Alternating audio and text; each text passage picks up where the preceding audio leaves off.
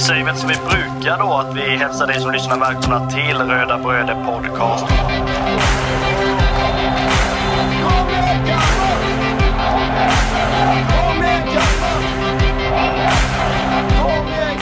Vi är ju tre bröder som eh, driver en podcast som heter Röda Bröder Podcast. Eh, det är jag, Kristoffer Karlström, och det är min lillebror Marcus och min andra lillebror Andreas. Podcasten handlar bara om Kalmar FF.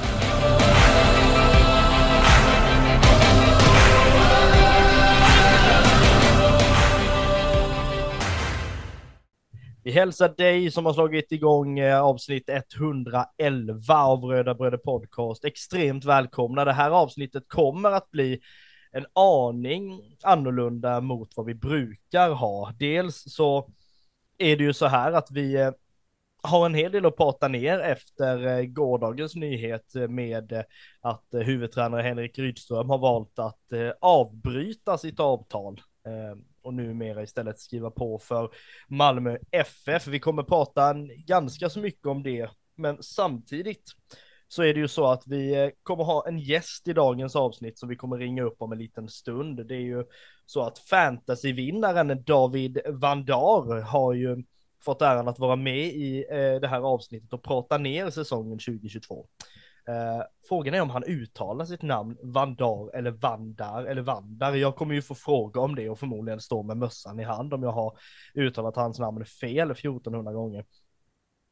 Men om vi bara tar en liten recap sådär Andreas. Idag var det ju då eh, presskonferens vid klockan två, både på Eleda-stadion och på Guldfågeln Arena. Vi hade ju eh, fått möjligheten att eh, vara på plats redan innan det här hände, eh, vilket glädjer oss något oerhört naturligtvis. Eh, där vi då kunde få en intervju med eh, Jörgen Pettersson, vilken har blivit väldigt uppskattad eh, om vi tittar på eh, hur svenska fansidan har reagerat på det här. Eh, och det är ju väldigt glädjande. Men eh, vad känner du kring presskonferensen idag? Tycker du att man fick någonting annorlunda i, alltså i informationsväg jämfört med det vi liksom ja, ryktade om igår? Eh, alltså, jag kan ju säga som så i alla fall att jag såg ju presskonferensen lite med ja, ett öga så, för jag satt eh, ja, tunligt nog på en gräsklippare eh, och malde löv precis under, under tiden. Så jag pausade det en liten stund och slog igång eh, Malmös presskonferens på jobbmobilen och eh, Kalmar FFs pressträff på, ehm, på min privata mobil. Och ehm, alltså, jag kan väl känna som så att eh, efter det avsnittet vi släppte igår och där vi egentligen konstaterade att det eller jag i alla fall, att eh, det här känns inte som en riktig överraskning utan eh, jag skulle väl i så fall vilja eh, ja, sammanfatta det här lite som eh, supporterunionens ordförande gjorde det i, eh, ja, i P4 Kalmars intervju med honom att eh, det var nästan skönt att vi fick ett avslut på det här nu, att vi fick eh, sätta liksom stämpeln på pappret nu, att alla de här ryktesspridningarna, alla sömnlösa nätter, alla amen, oroliga fans liksom runt om i, i Sverige har ja, men, fått veta nu vad det är som har hänt och vad som har liksom pågått och hur så att vi nu kan lyfta blicken och eh, göra det ruggigt svårt för Malmö FF att ta tre poäng på grundfågeln framöver. Eh, men eh, som lite svar på din fråga där så kände jag väl att i ja, under presskonferensen så fick man ju egentligen bara det som media hade gått ut med tidigare bekräftat egentligen. Det var inte supermycket mer än så förutom eh, att eh, ja, vi i så, ja, på grund av den förhandlingssituation då så har vi ju fått en ekonomisk kompensation för detta, men eh, vi kommer att prata lite mer om det eh, lite senare, men eh, vad känner du kring, ja, egentligen blixten som slår ner från klar himmel? Alltså det man blir eh, mest förbannad över eller sådär, jag eh, skrev ju redan ner nästan alla känslor jag hade i, eh, i en krönika som vi publicerade idag samtidigt som presskonferensen var att man, man liksom bubblar av både ilska men också en stor förvåning. Inte någon förvåning att han liksom lämnar, det har ju varit klart sen ganska länge kan jag, kan jag liksom känna att, inte att han skulle gå inför nästa år, men att liksom Kalmar FF är ingen ändhållplats på något sätt och det har man nästan förstått, men det som ger mig en sån stor ilska i detta, det är ju att dels så blev det ju eh, alltså ett himla liv om att det här skulle ha hållit på länge. Eh, samtidigt sen då som det då på presskonferensen berättas om att det har väl egentligen mest förhandlats sedan i måndags och de har liksom haft fyra, fem möten under två, tre dagar. Det man liksom kan dra för slutsats av det är ju att Malmö har liksom kämpat med näbbar och klor för att få Henrik Rydström. Ehm, förmodligen efter att de, de liksom inte fick Per Mattias Högmo. Sen vet man ju inte vad det fanns i det avtalet eh, som gjorde att de inte kunde plocka honom. Eller var det att de eller att det liksom blev någonting annat i den processen. Men det, det man liksom blir mest arg över är ju att här har liksom Kalmar FF stått på en sida och kämpat med alla möjliga medel för att behålla Henrik Rydström, för att liksom fullfölja det avtalet man faktiskt har i två år till. Eh, och när man då liksom har hört innan att det pratas om kontinuitet, pratas om långsiktighet, då sitter liksom Rydström på Malmös presskonferens och berättar exakt samma sak han drog när han liksom blev klar för Kalmar FF. Vi ska jobba långsiktigt, det är en utmaning, det finns potential, bla bla bla. Det gör mig dels så otroligt arg att liksom, ja, men samtidigt är det ju så här, the job is not done, om jag ska säga så. Det är ju inte det i Kalmar FF. Visst, du har kommit på sjätte plats, du har kommit på fjärde plats, men vad säger inte att vi hade kunnat lyckas ännu bättre nästa år? Det är väl därför jag blir så fruktansvärt irriterad, där man liksom känner att Ja, alltså de ekonomiska medlen finns, det är bättre faciliteter, det är bättre på de eh, sätten naturligtvis. Och sen, visst, man vet att Rydström, han har alltid älskat att det här med press, att liksom försöka få ut det, mest, det mesta utav sin potential. Men det är ju inget bra track record som liksom Malmö har, där det liksom, de har haft fem tränare på ett år. Det liksom, finns det ändå någon, något slut på stubinen hos Kalmar FF-supporterna så finns det ju för fan ingen stubin överhuvudtaget hos Malmö-supporterna där det liksom är, ja men en plump liksom så kan det ju börja skrikas från håll. Och jag upplever väl liksom det att man har kämpat så pass mycket för att behålla honom och när man då är så pass öppna som Kalmar FF-ledningen ändå är på presskonferensen och säger att vi har gjort allt som står i vår makt, men det har inte varit tillräckligt. Då är det liksom inte någon annan som har liksom velat att han ska lämna förutom han själv. Och det är väl det som gör att man blir mer eller mindre lämnad på en perrong när tåget går att men vi skulle ju för fan åka ihop och sen liksom står eh, den man ska åka med i tågvagnen och bara vinkar ungefär. Det är liksom på ett sätt så känner man det och på ett sätt så slåss man ju också mellan hopp och förtvivlan att ska man liksom ska man ge han och vara ledsen eller ska man liksom bara följa med i den kör som liksom unisont bara pissar på honom nu? Eller ska man liksom göra som den tredje delen av supporter eh, skaran om man säger så, som ändå önskar lycka till och bara ser till men personen Henrik Rydström och vad han har gjort för Kalmar FF innan. Jag kan känna att det är jättesvårt att liksom, vilken kör ska du liksom ställa dig i, i det här? Det, det är jättesvårt, men jag, jag måste väl också säga så sen att eh, folk klagar jättemycket på att presskonferensen inte är så bra och nu ska vi väl ändå vara ärliga. Presskonferenserna när vi är på plats efter matcherna så är det väldigt lite frågor. Det är liksom någon som kan ställa någon fråga då och då, men jag kommer ju aldrig glömma när vi var på en match för några år sedan då det var att Alltså jag tror vi ställde en fråga, sen sitter lokalpressen och liksom sitter fullständigt på händerna och sen avslutar man presskonferensen. Sen startar man en live-tv vid sidan av. Ja, det var ju många frågor som inte fick några svar. Ja, för att ni inte ställde dem ungefär. Så att jag menar, vi, Anledningen till varför vi inte ställde några frågor på presskonferensen var ju för att vi, ja, nu höll jag på att säga hade alla svar redan, men det var ju typ så det var. Men det ska bli intressant att höra när vi pratar med, med David här alldeles strax kring hur, hur han liksom ser på det. Vi har väl ändå bubblat av oss, både du och jag och ehm, Um, och Kristoffer då som också ingår i podden naturligtvis. Men det ska bli inte, och vi har ju läst på sociala medier, men det ska bli intressant att få ytterligare en röst i detta och vi kommer ju inte kunna börja alltså delen med honom utan att mer eller mindre vidröra detta. Sen ska vi försöka skita i det och inte titta framåt utan mer titta bakåt. Vi ska ju sammanfatta säsongen 2022. Um, ehm, med liksom olika segment då, bland annat årets överraskning. Vad var vi absolut inte beredda på? Eh, samtidigt årets plump var liksom var verkligen den här eh, djupaste dalen under året, men också sen en av höjdpunkterna. Vad var vi inte beredda på, men som ändå är liksom en höjdpunkt, kanske inte bara resultatmässigt utan överhuvudtaget. Eh, så vi får väl se, vi kanske sitter här, eh, ja antingen sitter vi en halvlek eller sitter vi två halvlekar plus tilläggstid, det lär vi ju märka sen. Men eh, vi gör väl så att vi eh, kopplar väl in David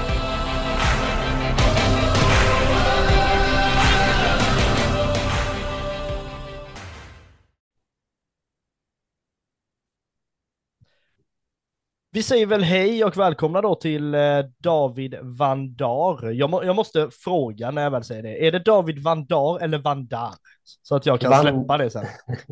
Vandar. Vandar är det. Ja. Till och med. Men du är ju med i detta avsnittet för att eh, du kom etta i våran fantasyliga. Ja, just det. Eh, för det första, hur, hur lyckades du med det? Vi om några vet ju inte hur man spelar detta. Ja, nej, men det är väl. Eh, jag försöker väl eh, hänga med ganska mycket. Det är ju eh, ganska aktivt. Aktivt eh, spel för min del, lite sådär. Försöka koll på lite spelschema och spelare i form och eh, sådär. Så att startelva hit och dit. Så att, ja, man får vara in the loop lite. Och inte bara gå på magkänsla kanske. Nej, men verkligen så. Um, det gick ju väldigt bra för dig om vi fortsätter, om vi stannar kvar i fantasyn lite. Inte nog med att du hamnar etta i hela Kalmar FFs liga, du hamnar ju också på plats 16 i Studio Allsvenskans eh, liga, vilket också är väldigt imponerande. Ja, eh, det, men det gick ju faktiskt Jag kom etta också i Kalmar, Kalmar FFs eh, teamliga där. Mm. Så det var väl det man var mest nöjd med. Men eh, å andra sidan så låg det ju faktiskt, eh, ja, mitten på säsongen så låg jag i topp 10 i totalen och sådär. Så då droppade ju en del eh, andra halvan, men eh, ja, man får vara nöjd. Ja, men verkligen är det så. Eh, om vi säger lite så här, vi, eh, vi har ju redan börjat dragit lite, jag och Andreas innan här. Dels så eh, la vi ut ett avsnitt i all hast och all affekt under gårdagen när eh, det, in, det var inte officiellt igår, men mer eller mindre kan vi ju säga att det blev så att då Henrik Rydström lämnar Kalmar FF då. Och idag fick vi ju smällen i ansiktet att det då blev Malmö FF som är nästa anhalt. Hur, eh, hur kände du när du alltså, nåddes av det från början? Eh, ja, alltså det... Det första man känner tycker jag var ändå besvikelse liksom. Eh, det har ju varit liksom så mycket snack hela säsongen egentligen innan dess och i vintras och, eh, och varenda gång det pratas Kalmar FF i media så är det Henrik Ryd som går dit eller ska han gå dit och sådär. Um, men sen på slutet nu kändes det ändå som kanske att det, det fanns liksom en möjlighet att han skulle stanna. Eh, tyckte det lutade till mig lite åt det hållet. Kändes det som. Så att eh, framförallt besviken tycker jag det känns liksom.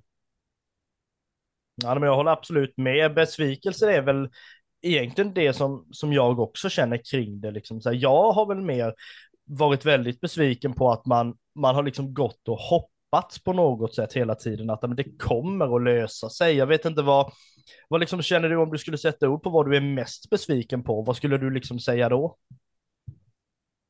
Uh, ja, men det är väl lite det här med att alltså, jag har haft två riktigt bra år nu liksom. Eh, med spelarutveckling och laget har liksom gått bra. Det har känts över hela föreningen att det har gått liksom, eh, åt positiva håll hela tiden. Eh, och nu blir man, hamnar man liksom i någon sorts eh, limbo nästan. Man vet liksom inte vad, vad blir det av härifrån. För det finns liksom ingen som, som kan ta över det här. Det, det är det som gör att man, eh, man känner sig lite ja, men besviken. Liksom. Det, det är svårt att ta över här. Ja, men verkligen. Jag kan bara instämma. Eh, Andreas, hur liksom känner du kring det här när nu sitter man ju där nästan på vi har ju liksom dratt det här nästan som en resa lite, att man har kommit till olika liksom hållplatser under liksom resans gång. Nu sitter man ju där på liksom, ja vad, vad liksom säger man, hållplatsen där resan startar egentligen. Det är ju mer eller mindre där man sitter igen. Ja, det är ju det. Alltså jag känner väl lite som så att det har varit, alltså som att leva lite i en dröm det här. Vi har ju egentligen aldrig riktigt haft de här alltså förutsättningarna vi har fått nu och liksom, ja men den här ja, raketen upp i tabellen och liksom varit där uppe och ja men fått förhoppningarna om Europa och sen att liksom blickarna oftast riktas mot oss, alltså av det positiva sättet, för annars är det ju alltid att ja men FF förlorar mot dem, FF förlorar, FF förlorar, men nu när vi har börjat vinna så har det ju blivit mer alltså, attraktivt för både media och liksom se resan och liksom växa uppåt hela tiden. Och alltså det har ju verkligen känts lite som att man, ja, jag vet inte hur jag ska förklara det, men vi, vi har ju haft liksom Sveriges bästa tränare hos oss och då har liksom vi suttit och ja, ja men haft liksom fingrarna i öronen och liksom haha, vi har Sveriges bästa tränare liksom och vi liksom har precis börjat drömma den här drömmen och liksom leva i allt det här och sen nu liksom bara, aha, vaknade jag nu? Och liksom, ja, jag känner att den här drömmen hade, hade verkligen kunnat få fortsätta mycket, mycket längre än vad det faktiskt gjorde. Alltså vi var, ja, vi var på riktigt på väg upp till toppen och liksom vi trodde vi skulle ännu mer, men rätt vad det var så bara faller vi rätt ner pladask så att det, ja, man känner sig riktigt snuvad på en, eh, på en eh, riktigt bra vinst om man eh, ska uttrycka det på något vis, tycker jag. Ja, alltså det blir ju en, alltså på något sätt en väldigt tomhet samtidigt i liksom hela situationen, att dels att man får börja börja om i arbetet, för det, det är ju lite som David säger, det är ju ingen som kan ta över det här bara liksom, men, som ifrån ingenting egentligen, och det är väl det är väl det som jag liksom känner är, är det, den liksom största besvikelsen egentligen, att man liksom slutför inte arbetet egentligen. Och jag menar om nu arbetet var att skriva på ett längre avtal, men när vi väl kom fyra så var det liksom ändhållplatsen. Då liksom är jag väldigt förvånad över hur, hur man har resonerat. Eh, eller sådär överhuvudtaget. Men om vi försöker på något sätt nu då, nu är ju det skitsvårt naturligtvis, men om vi liksom försöker släppa det med Henrik Rydström och försöker att tänka mer kring det som det här avsnittet egentligen är tänkt att handla om, det vill säga en sammanfattning av säsongen 2022, så skulle jag väl egentligen vilja börja med David, vad liksom känner du om du skulle få välja ut någon match från den här säsongen, bara vad liksom skulle du känna är, det här är liksom den största höjdpunkten under denna säsongen 2022? Ja, jag ska välja ut något. Eh, så, alltså, det man kommer komma ihåg är väl e-, egentligen fjärdeplatsen. Eh, det blir ju någon sorts höjdpunkt i och med att det är liksom sjukt ovanligt att vi, vi kommer så högt upp. Men om man ska plocka ut någon enstaka match så tror jag nästan alltså eh, Ja, jag var ju på Malmö borta där, men jag tycker nästan Malmö hemma som var liksom seriepremiären. Och det sättet som vi tog oss an den matchen och spelade och liksom eh, dominerade spelmässigt. Nu förlorade vi den matchen, men liksom eh, det var mycket snack innan säsongen också om det här med att, eh, att vi 2021 eh, klarade liksom, eh, bottenlagen ganska bra, men när det väl kom till topplagen så hade vi ingen chans.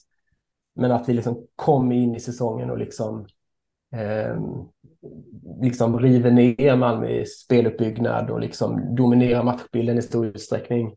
Det var liksom ett sånt svar man ville ha där. Eh, och, och, därifrån blev det liksom startskottet för resten av säsongen sen. Eh, så även om det var en förlust så tycker jag ändå att det, det var någon sorts liksom, eh, ja, höjdpunkt i säsongen på något vis. Ja, men jag kan bara det är instämma. konstigt eftersom vi förlorade, men ja. Ja, nej, men alltså jag håller med där. Det behöver liksom inte vara alltså, just resultatet i sig. Jag håller absolut med att det kan, just den matchen, eh, var, alltså jag gick ändå hem med en väldigt bra känsla efter den matchen, att det här kan vara någonting bra på gång på riktigt den här säsongen. Inte, alltså om jag säger så här, att ha förlorat mot Malmö med väldigt mycket mål de andra liksom åren oftast, så har det liksom ändå varit att man liksom lyckas hålla dem så pass långt ifrån klara målchanser under mer eller mindre hela matchen till att liksom sen vara tvungna att släppa in det där målet. Det blev liksom på något sätt ändå att vi, vi är inte så alltså lättuggade för de här storlagen längre, vilket vi kanske har varit under ett antal säsonger innan. Eh, eller sådär. Andreas, jag vet inte hur du, hur du ser på den. Är det, är det Malmö hemma som är liksom den, den stora höjdpunkten, eller har du något annat förslag? Ja, men jag tror egentligen att, eh, att det är eh, höjdpunkten egentligen. Och Alltså man känner sig ju, jag känner mig ju i alla fall så jag tror många med mig, alltså inför varje säsong med, ja, när man kanske har fått in nya, ja men nyförvärv och lite sådana saker så vill man ju verkligen bara se vad, vad de liksom står för, och vad de har liksom, ja, så att de får visa varför de, varför de just hamnade hos oss. Och eh, ja, men det, det har ju pratats väldigt länge också om eh, eh, tålamod och det har pratats om långsiktighet och liksom att ja, man kanske inte riktigt eh, kunde förvänta sig de här liksom 4-0 eh, vinsterna och liksom 3-0 efter 45 minuter med en gång kanske. Och det, det liksom förstår man ju för att man har ju ja, men präntat in ett helt nytt spel ett spelsätt och har en, liksom en, helt, en helt ny spelidé som man eh, eh, har liksom introducerat och som man verkligen har lyckats bra med. Eh, och eh, ja, men där, där känner man ju liksom att det här var startskottet på någonting som, eh, ja, men som vi sen skulle glömma och det, jag tycker ändå att det, det summerar det ganska bra.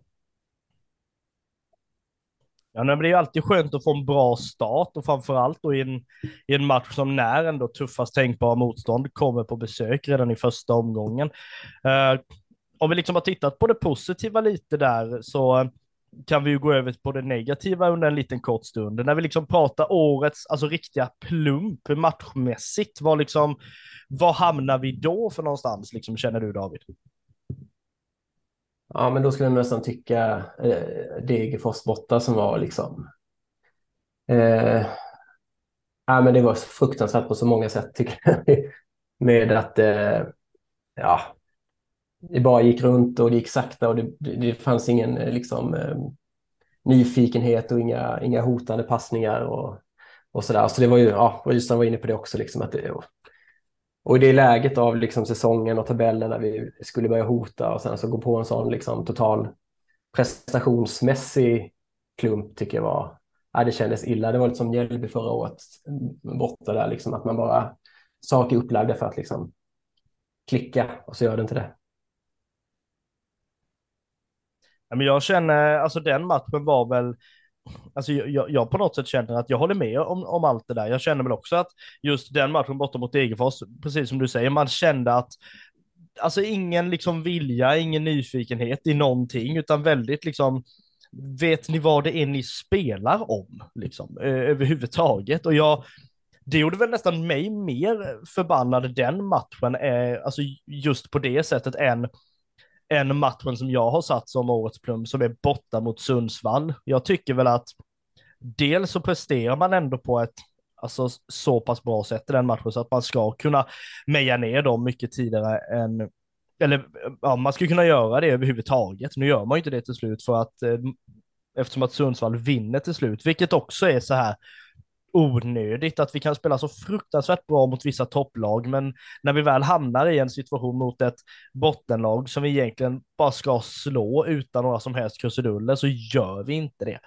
Eh, och jag tror att hade den matchen varit i ett annat skede av säsongen så tror jag väl att den hade svidit mer än vad den gjorde, även om jag ändå väljer att lägga den matchen som en riktig plump under denna säsongen. Jag vet inte, Andreas, har du någon annan match som du känner att det här är det här var liksom årets riktiga plump, för jag vet att vi var ju inte nöjda någon av oss efter någon av de här matcherna egentligen. Nej, vi var ju inte det. Och alltså, just när man, alltså det vi har pratat lite om, de här egentligen energilösa matcherna som alltså man nästan bara går runt med bollen och typ, jaha, vad ska jag göra med den? Det, då, det är liksom, jag förstår liksom inte att man ena matchen kan spela hur bra som helst och ha liksom, ja, världens energi och liksom man gör precis det Rydström talar om, att eh, man liksom ska försöka jobba ut efter och sen rätt vad det är så bara, jaha, bara, här riktigt kändes det inte som att det här skulle vara, vara liksom med i planen. Eh, och eh, alltså vissa matcher är ju så, alltså man kunde inte prestera på topp hela tiden utan det blir ju lite berg och dalbana under en hel, under en hel säsong så. Eh, det är ju det är ganska normalt att det blir så, men eh, här men just Sundsvall-matchen där när, eh, ja, ja men vi, vi både på pappret egentligen och sen rent supportermässigt känner att ja, men det här liksom ska inte vara några problem, det här ska vi fixa och sen får man liksom det tillbaka. Det, ja, det, där var man också lite, lite tom i, i huvudet efteråt. Ja, jag känner väl ändå att det, det som generellt sett, det vet jag att vi har pratat om innan i avsnitten också, att just under säsongen hur, alltså hur stor skillnad det ändå var hemma kontra borta, att liksom matcherna mot mot Stockholmslagen, vi släpper inte in ett enda mål på hemmaplan, men liksom tittar vi Djurgården borta, de vinner med 3-2, det är liksom Hammarby borta, där de vinner med 4-2, det är liksom, man har så fruktansvärt svårt på bortaplan uppe i Stockholm, vilket liksom är det är ju inte jättekonstigt, men det är ju fruktansvärt irriterande om, om inte annat. Men om vi liksom tittar kring eh, de stora överraskningarna under året så är det väl ändå så här att vi kan tänka oss ett par spelare. Eller vad säger du David, om du skulle välja ut någon spelare under säsongen, var det någon som du kände när vi liksom fick veta att den här spelaren ska spela för Kalmar FF, att du liksom kände att blir det här så bra verkligen? Och sen blir du liksom ja, men positivt överraskad? Ja, men eh, kanske inte egentligen. Alltså, eh, inga sådana jättestora genombrott eh, tyckte jag. Eh, det som är överraskande kanske är att det gick bra på ganska bred front och att liksom eh, vi hade en sån extremt liksom, stabil liksom, centrallinje. Med liksom, eh, ja men Zäta Sjöqvist och eh, Kalle och Roma och Oliver Berg och kanske även Ricardo i mål och sådär. Eh, oerhört liksom stabilt. Men sen tycker jag kanske inte att någon eh, överraskar i jättestor utsträckning. Eh, kan jag inte påstå. Ricardo, visst, man, man, han, det var lite så här svajigt kanske på, på försäsongen och nu blev han årets målvakt och så där. Han var ju verkligen fantastisk. Men med det hade man ändå lite på lut, liksom, att han, att han eh, kunde göra lite fantomräddningar och, och var väldigt aktiv målvakt. Eh, ja. Sen är jag väldigt glad också att eh, Filip Sakikidis eh, till slut fick en del speltid och även och liksom betyder, betydande tid för laget och liksom kändes verkligen som en riktig, en riktig Kalmar FF-spelare som, som ger mycket. Eh, så, så det tycker jag också är extremt positivt. Ja, men är, är det någon man på något sätt har unnat liksom framgång efter att ha varit ja, men lite smått i frysboxen och vänt någon så är det väl ändå Filip Sakpikidis. Jag känner ju likt, likt jag tror många kanske kände när vi väl värvade Ricardo att det här liksom, det osade på något sätt ändå professionalitet kring honom på så många plan. Sen är det ju den här liksom, men attityden som jag tycker viss med, alltså vissa medier runt Kalmar FF har, att det springer man ut och gör en liksom, ja, miss på något sätt så är det liksom dödsdömt ganska så tidigt och det var det i liksom i alla fall i pressrummet på Guldfågeln under inledningen av säsongen där det var att det här var ju inte vad vi hade letat efter och de sitter väl och äter upp det nu då när han blev årets målvakt kan man ju tänka sig. Men just att just att han liksom skulle prestera, det var någonting som jag, jag ändå hade en väldigt stor förhoppning kring. Sen är det ju alltid så när man värvar spelare, man vet ju aldrig vad man kan få ut av, av liksom värvningar på det sättet. Men är det någon som har stått på Ricardos sida under hela säsongen, Andreas, även när vi har liksom sett ner på honom så är det ju verkligen du. Jo, men det har jag ju verkligen gjort och jag tycker ändå att som, eh, som årets målvakt liksom så tycker jag inte man kan unna han mer än det. Eh, sen visst har man väl liksom varit orolig vissa gånger att eh, ja, man fick sådana här upp och köpa korvutrusningar igen och man var rädd liksom att det inte skulle lösa sig. Eh, och alltså vissa, jag minns två tillfällen men jag vet inte i vilka matcher det var riktigt så höll det ju verkligen på att ja, men bli bli pannkaka av alltihop men ändå så liksom lyckades han rädda upp det, de två miss, missbedömningarna men eh, jag tycker ändå att vi har eh, ja, men en stor eh, säkerhet eh, i mål från, eh, just nu och tack vare honom för att eh, ja men ja, jag tycker han har verkligen visat att han är en, eh, en eh, professionell målvakt och sen att han eh, ja, han är ju både bra med, med både händerna och fötterna och eh, är ju en, jag tycker en väldigt styrande del, både nerifrån men även när han tar sig uppåt så tycker ändå att han kan styra spelet på ett väldigt, väldigt bra sätt som jag tycker vi har behövt eh, faktiskt eh, under, under många säsonger.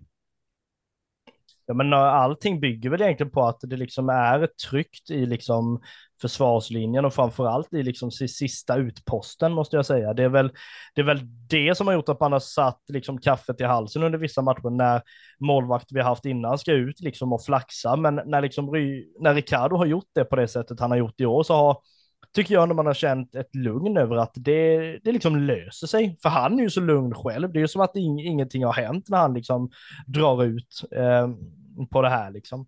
Men eh, vi har redan varit inne lite på det med Filip Sakpikidis, men finns det någon annan som har tagit liksom större steg detta året än just Filip Sakpikidis, eh, David?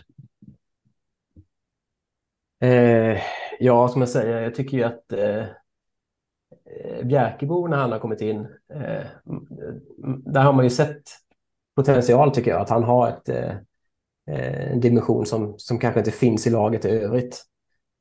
Eh, sen så är han ju fortfarande väldigt ung och, och valpig och sådär. Det är kanske, kanske inte är någon spelare att räkna med särskilt mycket startminuter även nästa år, men liksom, han har något sorts mål sinnes, det syns nästan på honom och i steget att han eh, kan hota liksom verkligen inne, innanför straffområdet och sådär. Det, det är ingenting vi har strösslat med sådana typer av spelare liksom.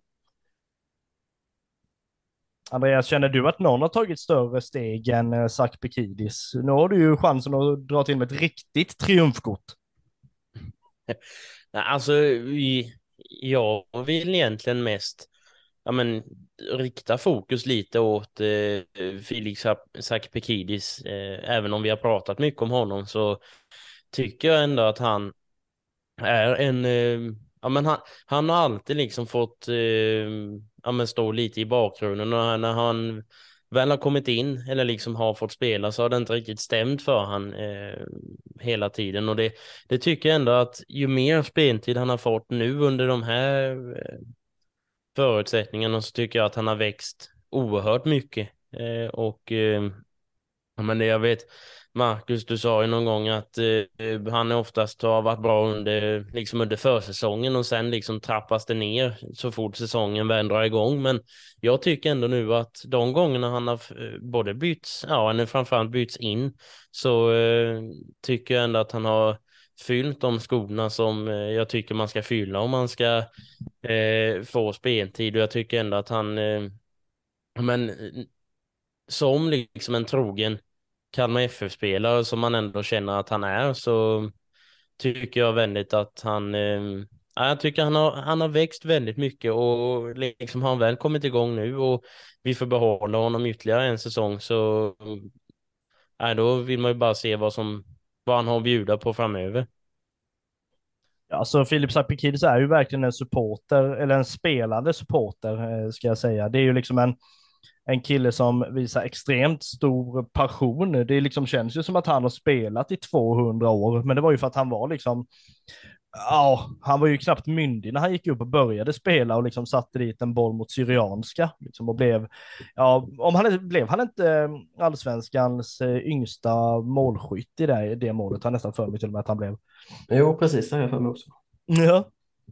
Eh, Ja, men om vi tänker lite framåt så här, nu liksom gör vi ändå bokslut 2022. Om vi kollar liksom 2023, det är ju Silly som står för dörren och hittills är det ju tre spelare ut eh, och ingen in. Eh, I alla fall inte i spelarväg, men det kommer ju förmodligen att ändra sig. Om vi säger så här att ni hade varit med och styrt i spakarna, vilka hade ni känt att det här är någon spelare jag gärna hade tagit in? David, om du hade fått liksom fria tyglar, oh, hur mycket pengar som helst. Vem liksom tar vi in? Svårt alltså. Men det, det känns ju som att eh, ett par eh, offensiva pjäser verkligen hade behövts.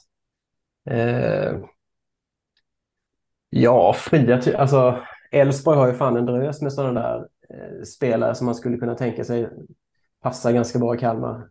Eh, det kommer ju säkert inte bli aktuellt Eh, och just det där att kunna tänka vilka spelare som kan tänkas bli aktuella känns ju också helt omöjligt att förutspå. Men eh, ja, som sagt, Elfsborg har en del unga jätteduktiga yttrar som eh, ja, Ondrejka och Bernhardsson och sådär. Så att, sådana spelare hade ju passat som handen i handsken. Ja, men jag tror också att vi behöver ha någon som är liksom offensivt lagd på det sättet. Dels nu för att för att jag tror man kan behöva bygga på det. Jag eh, har väl liksom någon som jag känner att den, den här spelaren hade jag verkligen velat ha in och det är väl, alltså, vi har ju lite personliga favoriter, alltså överhuvudtaget. Och jag kan väl säga att är det någon spelare som jag känner att han är ju, det är förmodligen någon som rycker i honom redan nu, men jag hade inte haft några särskilda problem om vi säger att vi hade fått se att eh, Hosa Majesh hade hamnat i Kalmar FF. Dels för att det liksom är en spelare som lite halvdekis status ändå på han. Det liksom var, han var väldigt bra när han kom till Göteborg under de första, eh, eller första säsongen där och liksom kunde snurra upp lite folk. Men sen har det liksom blivit mindre och mindre speltid och sen hamnar man ju på sned med liksom tränaren också. Det är ju liksom sällan bra, men liksom jag tror väl en, en offensiv spelare beroende på om Oliver Berg finns kvar eller inte så är väl det liksom väldigt viktigt, eh, tror jag. Men Andreas, du har ju ett par favoriter i andra lag också. Vilka liksom känner du, den här vill jag plocka in? Eh, ja du.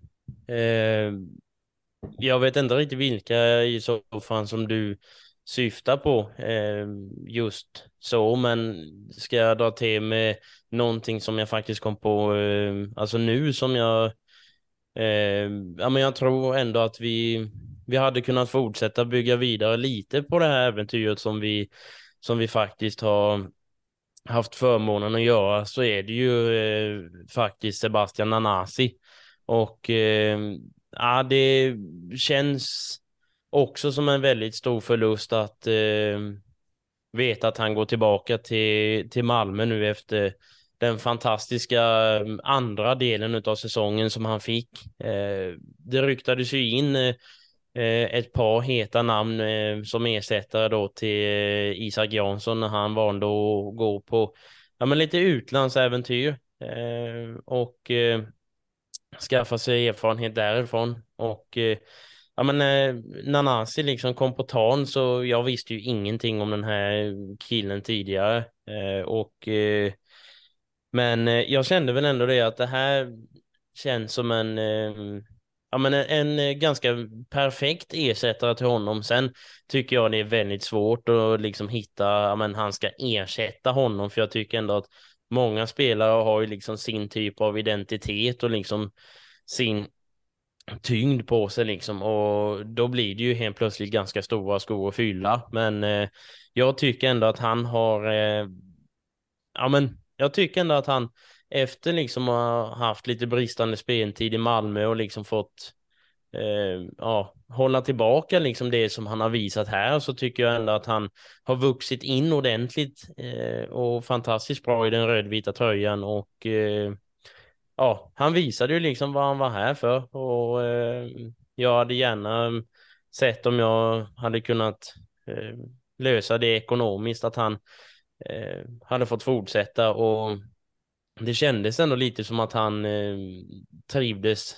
Ja, men det, jag tror att han trivdes nog bättre än vad han trodde att han skulle göra och sen lite framförallt för att han eh, ja, ändå var i den situationen att han fortfarande var en Malmö-spelare men såg dem liksom ganska långt nedanför vad, vad vi var och, och lite så så att nej, jag hade jag tror vi hade vunnit mycket på att ha honom i, i laget.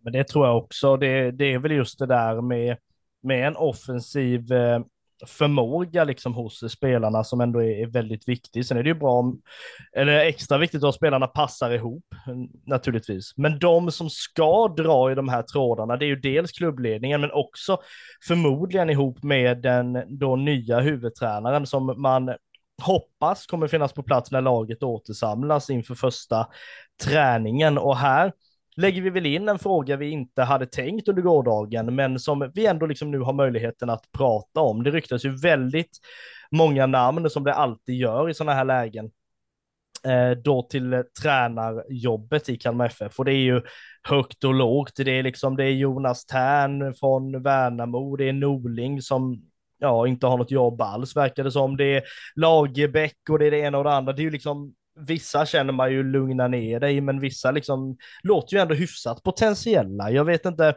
vad, vad tror du för liksom tränare hade, hade passat i Kalmar FF? Eller vilken tränare hade Kalmar FF behövt?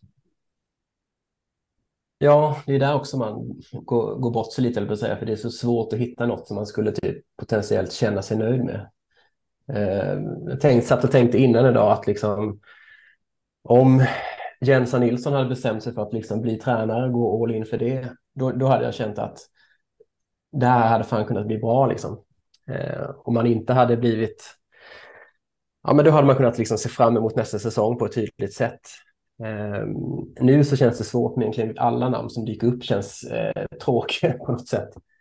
Eh, men samtidigt, vem den blir så i januari där när försäsongen drar igång så kommer man ju Eh, följa det här och liksom stå bakom vem det än blir, om det en, en skulle bli någon, någon liksom tränare som man kanske inte håller så högt.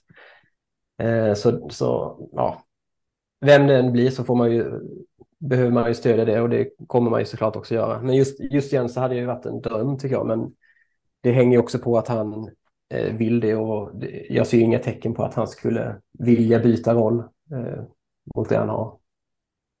Nej, men det kan ju vara, eh, eller det känns absolut så måste jag ändå säga, att han, han trivs nog ganska bra i det jobbet som han har. Han hade ju möjligheten mer eller mindre att, att ta över eh, efter det han gjorde liksom i kvalmatcherna mot Brage och så vidare. Men jag, jag, tror väl också så här att jag har väl nästan haft en liten förhoppning på att Stefan Larsson skulle ta över när Rydström Eh, till slut liksom skulle välja att eh, flytta, även om det nu inte skulle komma så snart trodde man ju. Men han har ju varit uppe väldigt mycket och liksom coachat under matcherna och varit mer eller mindre och mer högljudd och mer coachande än vad Rydström har varit under vissa matcher. Så att det kändes inte alls otänkbart att han skulle gå in och ta över det till slut. Men det är ju, det återstår ju att se och det är ju väldigt färskt liksom och jag tror inte ens Kalmar FF-ledningen har ju naturligtvis ett par namn de tittar på, men det är ju inte så att jag tror att man vill stressa fram någonting heller.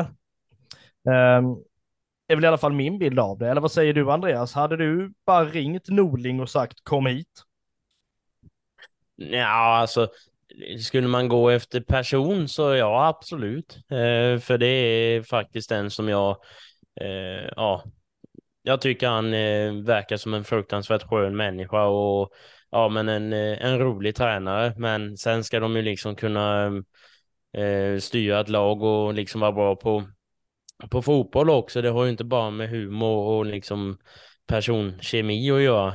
Ja, det, det, är väl kanske, det är väl kanske det man hoppas att de är bra på också, även om de är bra personer.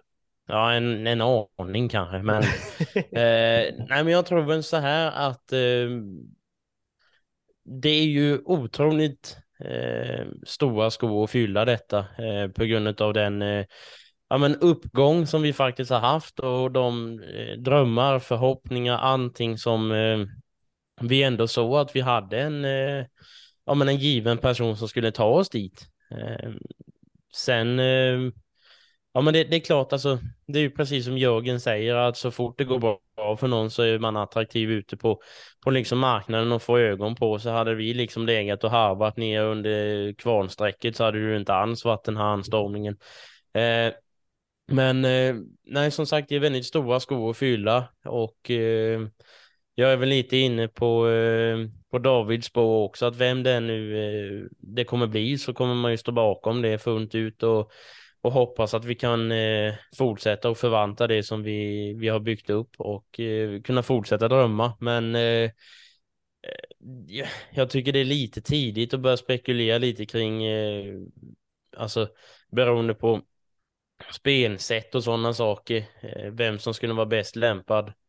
Men ja, läser man lite ja, olika rykten så, så ryktades ju både Nordling och eh, för ett antal säsonger sedan så var det ju Bartosz Jelak också som ryktades och ryktas de nu återigen och skulle det vara två kandidater för detta så hoppas man att de två är de rätta. Men sen kan man ju titta på helt andra håll också. Eh, så nej, men som sagt, det är stora skor att fylla så att det ska bli oerhört spännande att se vem de kan eh, ge detta ärofyllda uppdraget till? Ja, nej, det finns ju väldigt mycket att eh, alltså fundera kring i den här liksom processen som är, men min förhoppning är väl att det inte ska stressas fram på något sätt, utan att det liksom blir en, en tränare som, eh, men likt föreningen, tänker långsiktigt och tänker kontinuitet. Det tror jag blir det absolut viktigaste. Vi gör väl som så här att vi gör bokslut efter säsongen 2022 och eh, tackar eh, David jättemycket för att du ville medverka. Tack själva, det var, det var kul. Tack så jättemycket. Vi hörs. Ja, det gör vi.